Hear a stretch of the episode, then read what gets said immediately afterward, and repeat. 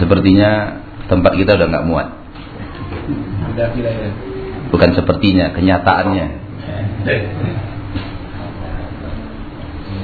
Alhamdulillah. Ciri kebaikan itu di dalam syariat Islam selalu bertambah. Itu ciri kebaikan.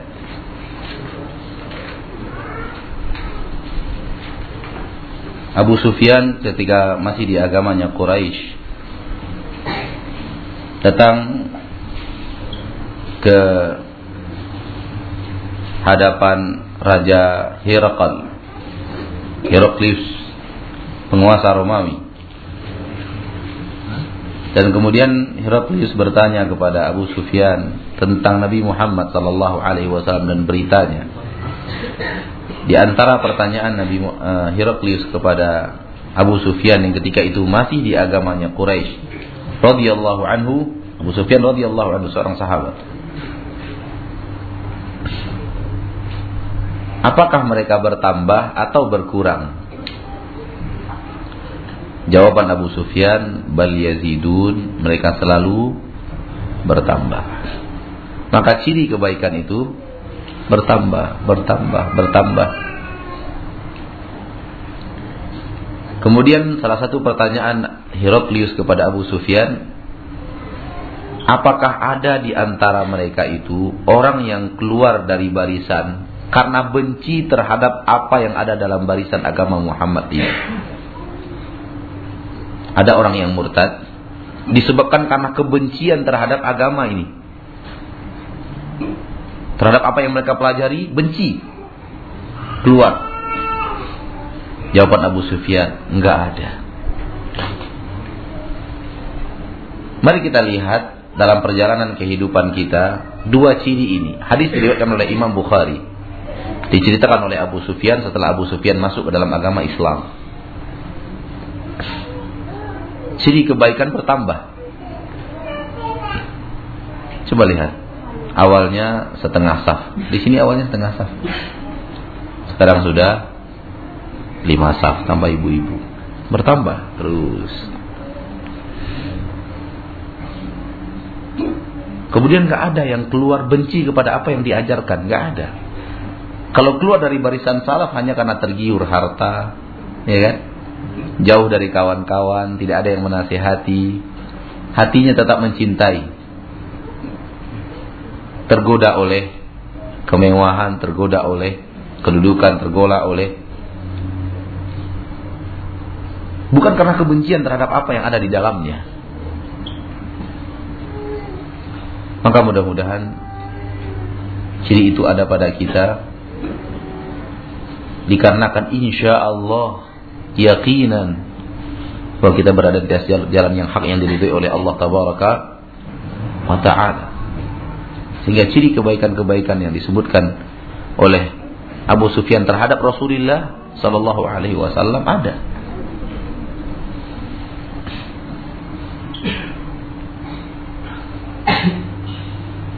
Tidak ada orang yang telah benar-benar mengerti dan paham kemudian keluar benci tetap apa yang selama ini dikerjakannya selama dibina di majelis taklim seperti ini. Nggak ada. Belum belum saya ketemu. Yang ada orang yang belum mengerti keluar, kemudian dipengaruhi di luar membenci itu ada. Dia belum apa-apa baru baru belajar ilmu sedikit. Kalau boleh direkomendasi untuk mengajar baru baru rekomendasi untuk mengajar ilmu tauhid gitulah ilmu maaf ilmu tajwid kalau direkomendasi dia untuk mengajarkan sesuatu, baru kita rekomendasi untuk mengajarkan ilmu tajwid saja. Makrot yang benar, dia sudah melafazkan makrot yang benar. Yang lainnya belum. Tauhid belum, akidah belum, fikih belum, hadis belum dan yang lainnya belum direkomendasi untuk. Tapi sudah merasa besar kemudian keluar, pindah, dipengaruhi oleh orang lain sehingga membenci. Itu ada. Gitu. Tapi yang faham, yang mengerti, yang fakih, yang tidak ada yang membenci syariat. Kemudian jumlah bertambah itu juga merupakan ciri-ciri kebaikan. Sementara di sisi lain meneriakkan kebenaran jumlahnya berkurang terus.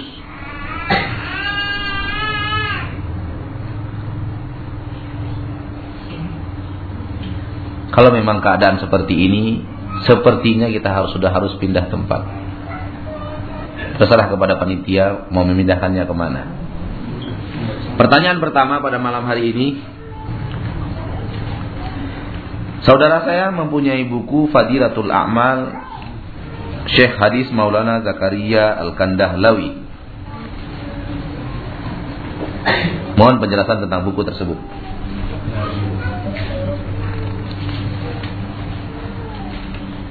Ya buku rujukan dari saudara-saudara kita kaum muslimin yang bergerak di dalam jamaah atau tabligh. Dan tidak ada yang mengakui keahlian hadis Zakaria Al-Kandahlawi kecuali mereka. Dan di dalamnya kata para ulama ahli hadis terdapat banyak sekali hadis yang dhaif bahkan hadis yang palsu.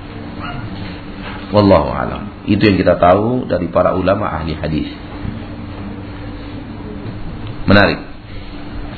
Pertanyaannya adalah apakah orang muslim yang hanya yakin akan tauhid rububiyah saja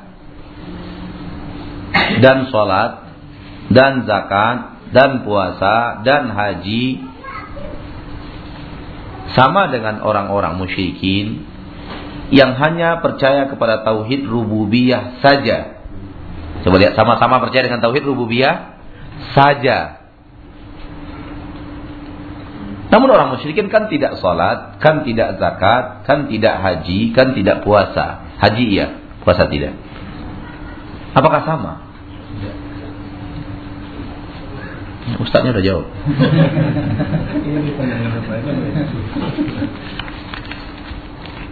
Kalau orang muslim ini dinasehati bahwa akidah seperti itu tidak benar dan diterangkan kepadanya uluhiyah, dia tidak menerimanya, tidak menerima bahwa mengantarkan syafaat, mengantarkan ini ke kuburan dan semacamnya, meyakini bahwa wali-wali itu akan mendatangkan, bisa mendatangkan rezeki, melapangkan ini, mendatangkan jodoh dan semacamnya, melapangkan hidup. Tidak tidak mau mereka ditegur untuk melakukan hal seperti itu, sama kedudukannya. Namun apabila muslim tersebut setelah dinasehati atau seandainya disampaikan yang hak, dia sebenarnya meyakini tapi nggak pandai mengungkapkan, itu lain. Itu lain. Sebenarnya dia beribadah hanya kepada Allah dan dia tidak mau berbuat syirik. Cuman karena dalam pelajaran hari-hari yang tidak pernah itu di, disampaikan, sehingga mengungkapkannya tidak pandai. Makanya apa yang kita sampaikan tadi, saya memberikan landasan. Andai hakidah kalian hanya sampai di sini, saya tidak berani memberikan hukum, tapi hanya saya mengatakan andai hanya sampai di sini akidah kalian, yang kalian yakini tentang Allah hanya sampai di titik ini, andai seperti itu, Akidah kalian dan orang Quraisy sama. Tapi andai, berarti andai ada andai yang kedua. Andai kalian tidak pandai mengungkapkan, karena tidak pelajaran itu tidak tidak matang, sebenarnya kalian tidak berbuat syirik, kalian tidak berbuat kufur, maka kalian tidak sama dengan orang Quraisy. Gitu. Jadi pahami? Insya Allah. Ada masjid di dekat rumah saya, di lingkungannya atau di luar masjid tersebut, di depannya ada sebuah kuburan. Apakah kita boleh sholat di masjid itu? Kalau sudah di luar kawasan masjid, masjid ada pagarnya di luar itu, tidak apa-apa. Tidak apa-apa. Karena sudah di luar kawasan masjid. Walau di arah depan. Kalau memang daerah itu bukanlah daerah pekuburan. Namun ada kuburan satu di situ kuburan lama, kuburan tua, kuburan gak sengaja. Tapi kalau kawasan itu kawasan pemakaman umum, kemudian ditegakkan masjid, jelas-jelas nggak boleh. Walau sudah di luar pagar masjid. Karena larangan hadis Nabi Muhammad sholat di pekuburan, di pemakaman. Salah satu tempat yang tidak boleh kita sholat adalah makbarah, tempat kuburan.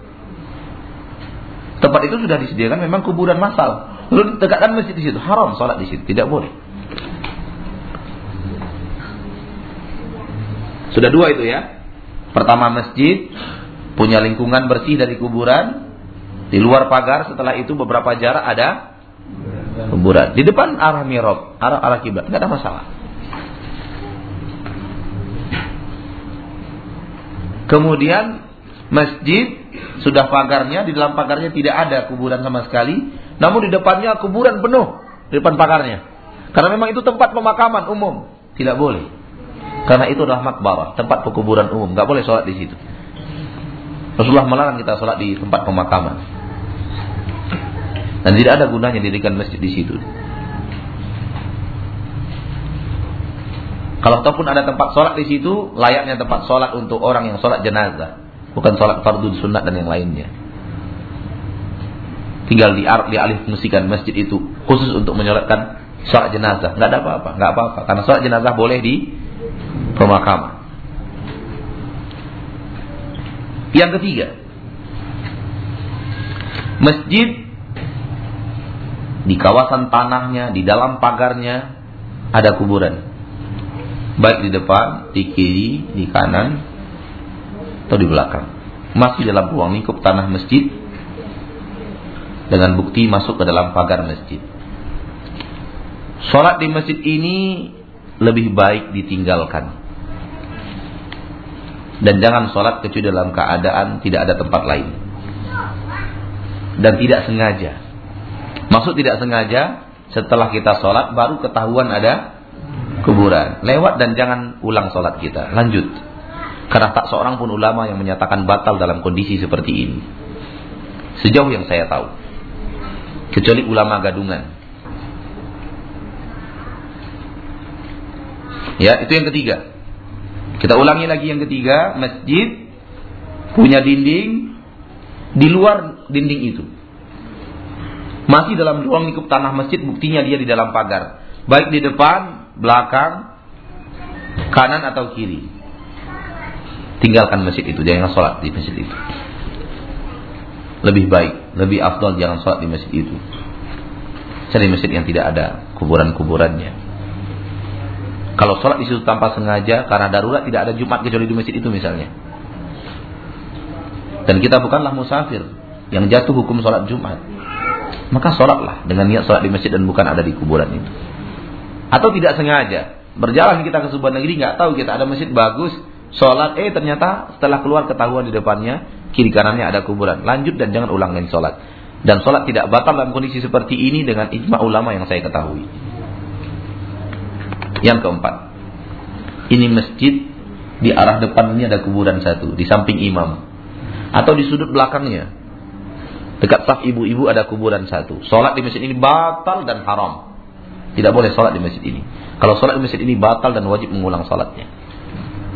Pengecualian masjid Nabi Muhammad Sallallahu Alaihi Wasallam dalam hal ini. Dan masuknya kuburan Nabi Muhammad SAW ke dalam masjidnya bukan pekerjaan Nabi, bukan pekerjaan para sahabat. Tapi generasi setelah itu. Yang kalau terjadi di selain masjid Nabi, hukumnya kuburannya dibongkar atau masjidnya dipindah.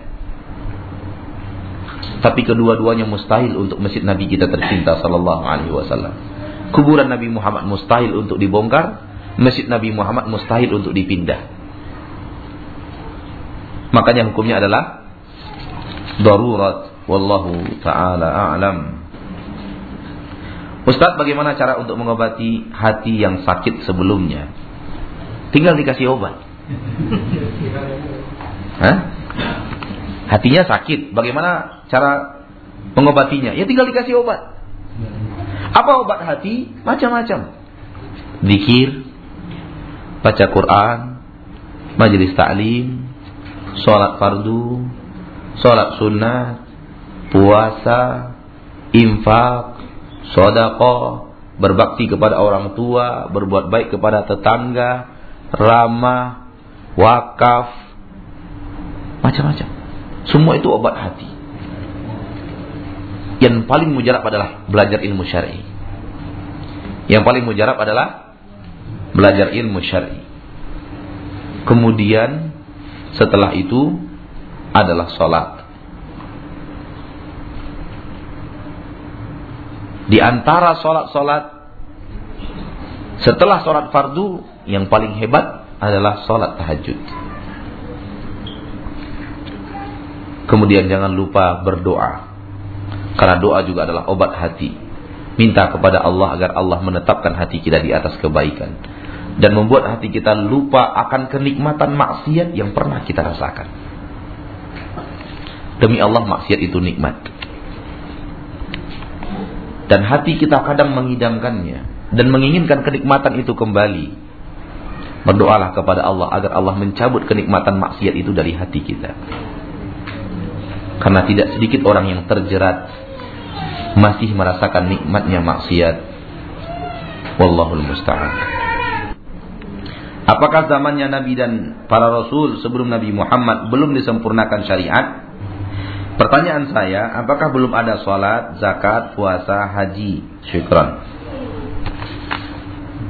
Hal yang tidak diragukan bahwa kesempurnaan syariat baru ada di zaman Nabi Muhammad sallallahu alaihi wasallam. Kesempurnaan syariat yang Allah inginkan Allah peruntukkan untuk nabinya yang paling mulia Muhammad sallallahu alaihi wasallam. Dan secara logika tepat. Kenapa saya katakan secara logika tepat? Kalau mau yang sempurna di ujung. Kalau yang sempurna itu zaman Nabi Adam, ya nggak perlu lagi Nabi setelahnya sampai Nabi Muhammad. Sallallahu alaihi wasallam. Betul atau tidak? Kalau syariat yang mulia, yang sempurna itu syariat Nabi Adam alaihissalam atau syariat Nabi Nuh alaihissalam, itu syariat yang paling sempurna. Tidak ada yang lebih sempurna daripada itu. Berarti dari semenjak Nabi Nuh tidak perlu ada lagi Nabi dan Rasul sampai akhir zaman. Karena sudah sempurna, buat apa lagi? Kenapa kemudian kesempurnaan itu Allah letakkan di ujung? Karena memang itulah yang sesuai dengan kenyataan dan logika dan ilmiah dan statistik dan dan dan hikmah dan semacamnya. Tapi kalau kemudian tidak sempurna bukan berarti mereka tidak ada sholat. Sholat mereka. Namun cara sholatnya mungkin ada yang berbeda dengan Nabi Muhammad. Mereka haji juga. Mereka beribadah, namun tata cara ibadahnya sesuai dengan kebutuhan pada zaman itu dan belum sempurna. Maksud belum sempurna di sini bukan berarti kalau mereka amalkan itu tidak sempurna Islamnya, enggak. Belum sesempurna syariat Nabi Muhammad sallallahu alaihi wasallam. Itu dia maksudnya. Anak kecil yang meninggal dunia adalah masuk surga. Apakah pengaruh kebaikan kepada kedua orang tuanya yang mukmin? Adakah pengaruh kebaikan kepada kedua orang tuanya yang mukmin? Anak kecil muslim berarti ya? Anak kecil muslim yang meninggal dunia adalah masuk surga. Apakah pengaruh adakah pengaruh kebaikannya kepada kedua orang tuanya yang mukmin? Jawabannya ya. Apabila ada dua orang, tiga orang yang wafat, apabila ada kata Rasulullah SAW, Allah mencabut tiga nyawa anak-anaknya yang kecil dan dihadapi oleh orang tuanya secara sabar. Dengan sabar dengan takdir Allah tiga anaknya dicabut oleh Allah nyawanya sebelum balik. Dia rela dan sabar dan ridho dengan takdir Allah itu akan memasukkannya ke dalam surga para sahabat bertanya bagaimana kalau dua wahai Rasul Rasulullah menjawab demikian juga dengan dua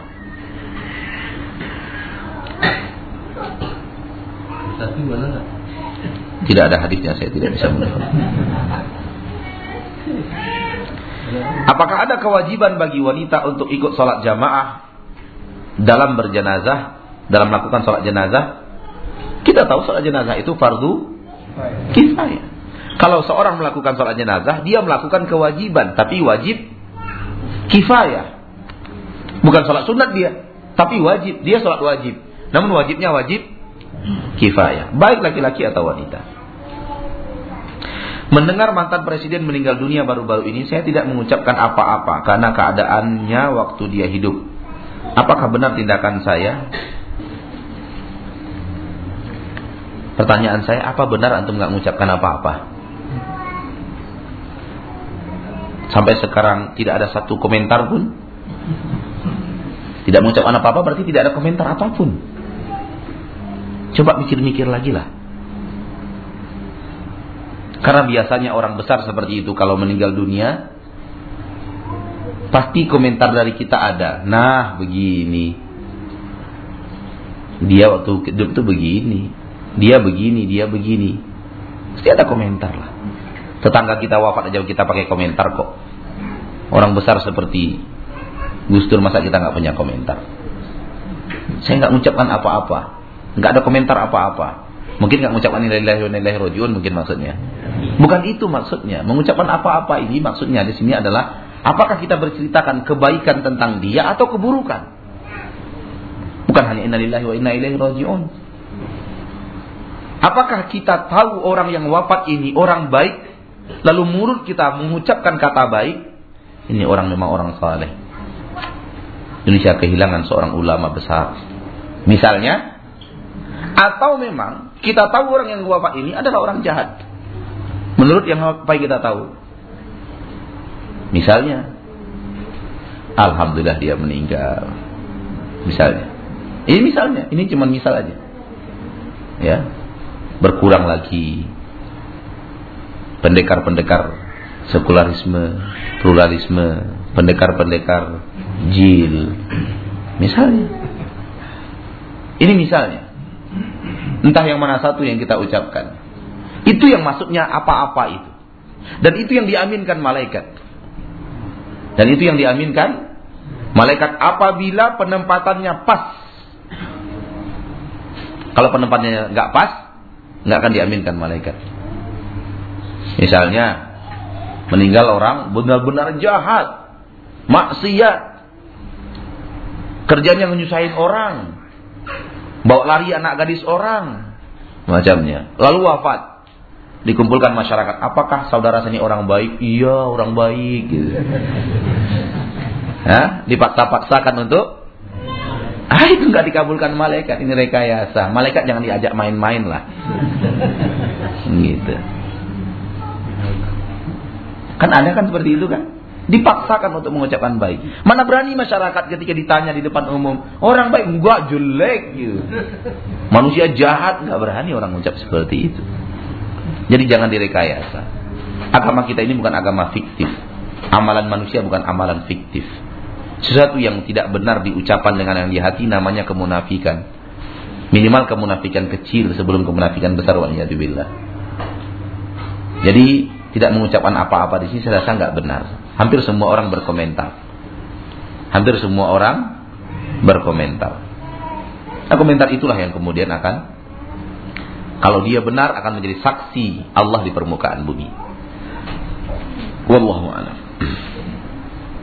Sampai di sini pertemuan kita. Semoga Allah tabaraka wa taala rabbul izzati wal jalalah memudahkan kita untuk memahami tauhid, memahami agama kita yang mulia ini dan pondasinya dan berjuang mempertahankan pondasi itu sampai akhir hayat kita amin. Ya rabbal alamin subhanakallahumma bihamdik asyhadu an la ilaha illa anta astaghfiruka wa atubu ilaik. Walhamdulillahi rabbil alamin wassalamu alaikum warahmatullahi wabarakatuh